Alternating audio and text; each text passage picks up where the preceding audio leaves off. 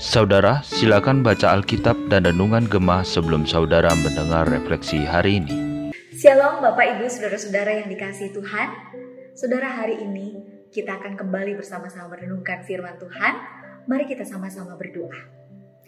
Tuhan kami datang kepadamu sebab firman-Mu adalah kekuatan bagi setiap kami.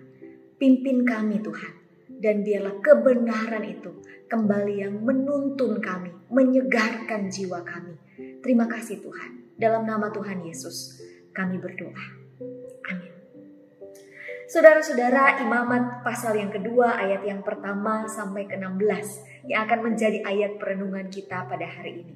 Saudara, ayat firman Tuhan dari ayat yang pertama mengatakan, apabila seseorang hendak mempersembahkan persembahan berupa korban sajian kepada Tuhan, hendaklah persembahannya itu tepung yang terbaik. Dan ia harus menuangkan minyak serta membubuhkan kemenyan ke atasnya. Saudara, salah satu bahan utama dari roti adalah tepung. Roti terbaik terbuat dari tepung pilihan, dari gandum pilihan. Dan kemudian disimpan dengan suhu tertentu, dengan packaging yang aman, sehingga ketika diolah, diuleni, dan dipanggang, maka hasilnya pasti yang terbaik. Saudara-saudara bisa kita membayangkan harumnya roti yang dibuat dari tepung yang terbaik. Pasti aroma kelezatannya adalah aroma yang menyenangkan dan membangkitkan selera, bukan? Saudara kepada bangsa Israel yang hendak beribadah pada Tuhan, ketika mereka datang beribadah, mereka datang memberikan persembahan kepada Tuhan.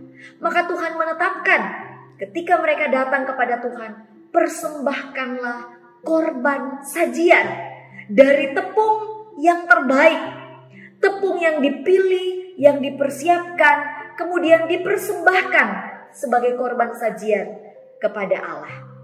Saudara-saudara, Tuhan meminta tepung yang terbaik. Ini adalah tepung bukan barang mewah di Israel. Karena setiap rumah pasti punya persediaan tepung di rumahnya. Tuhan meminta apa yang ada pada kita. Satu hal yang sederhana tetapi tetap standarnya adalah yang terbaik bagi Tuhan. Saudara hari ini pertanyaannya adalah apakah kita sudah memberikan tepung yang sederhana itu, yang kita punya itu.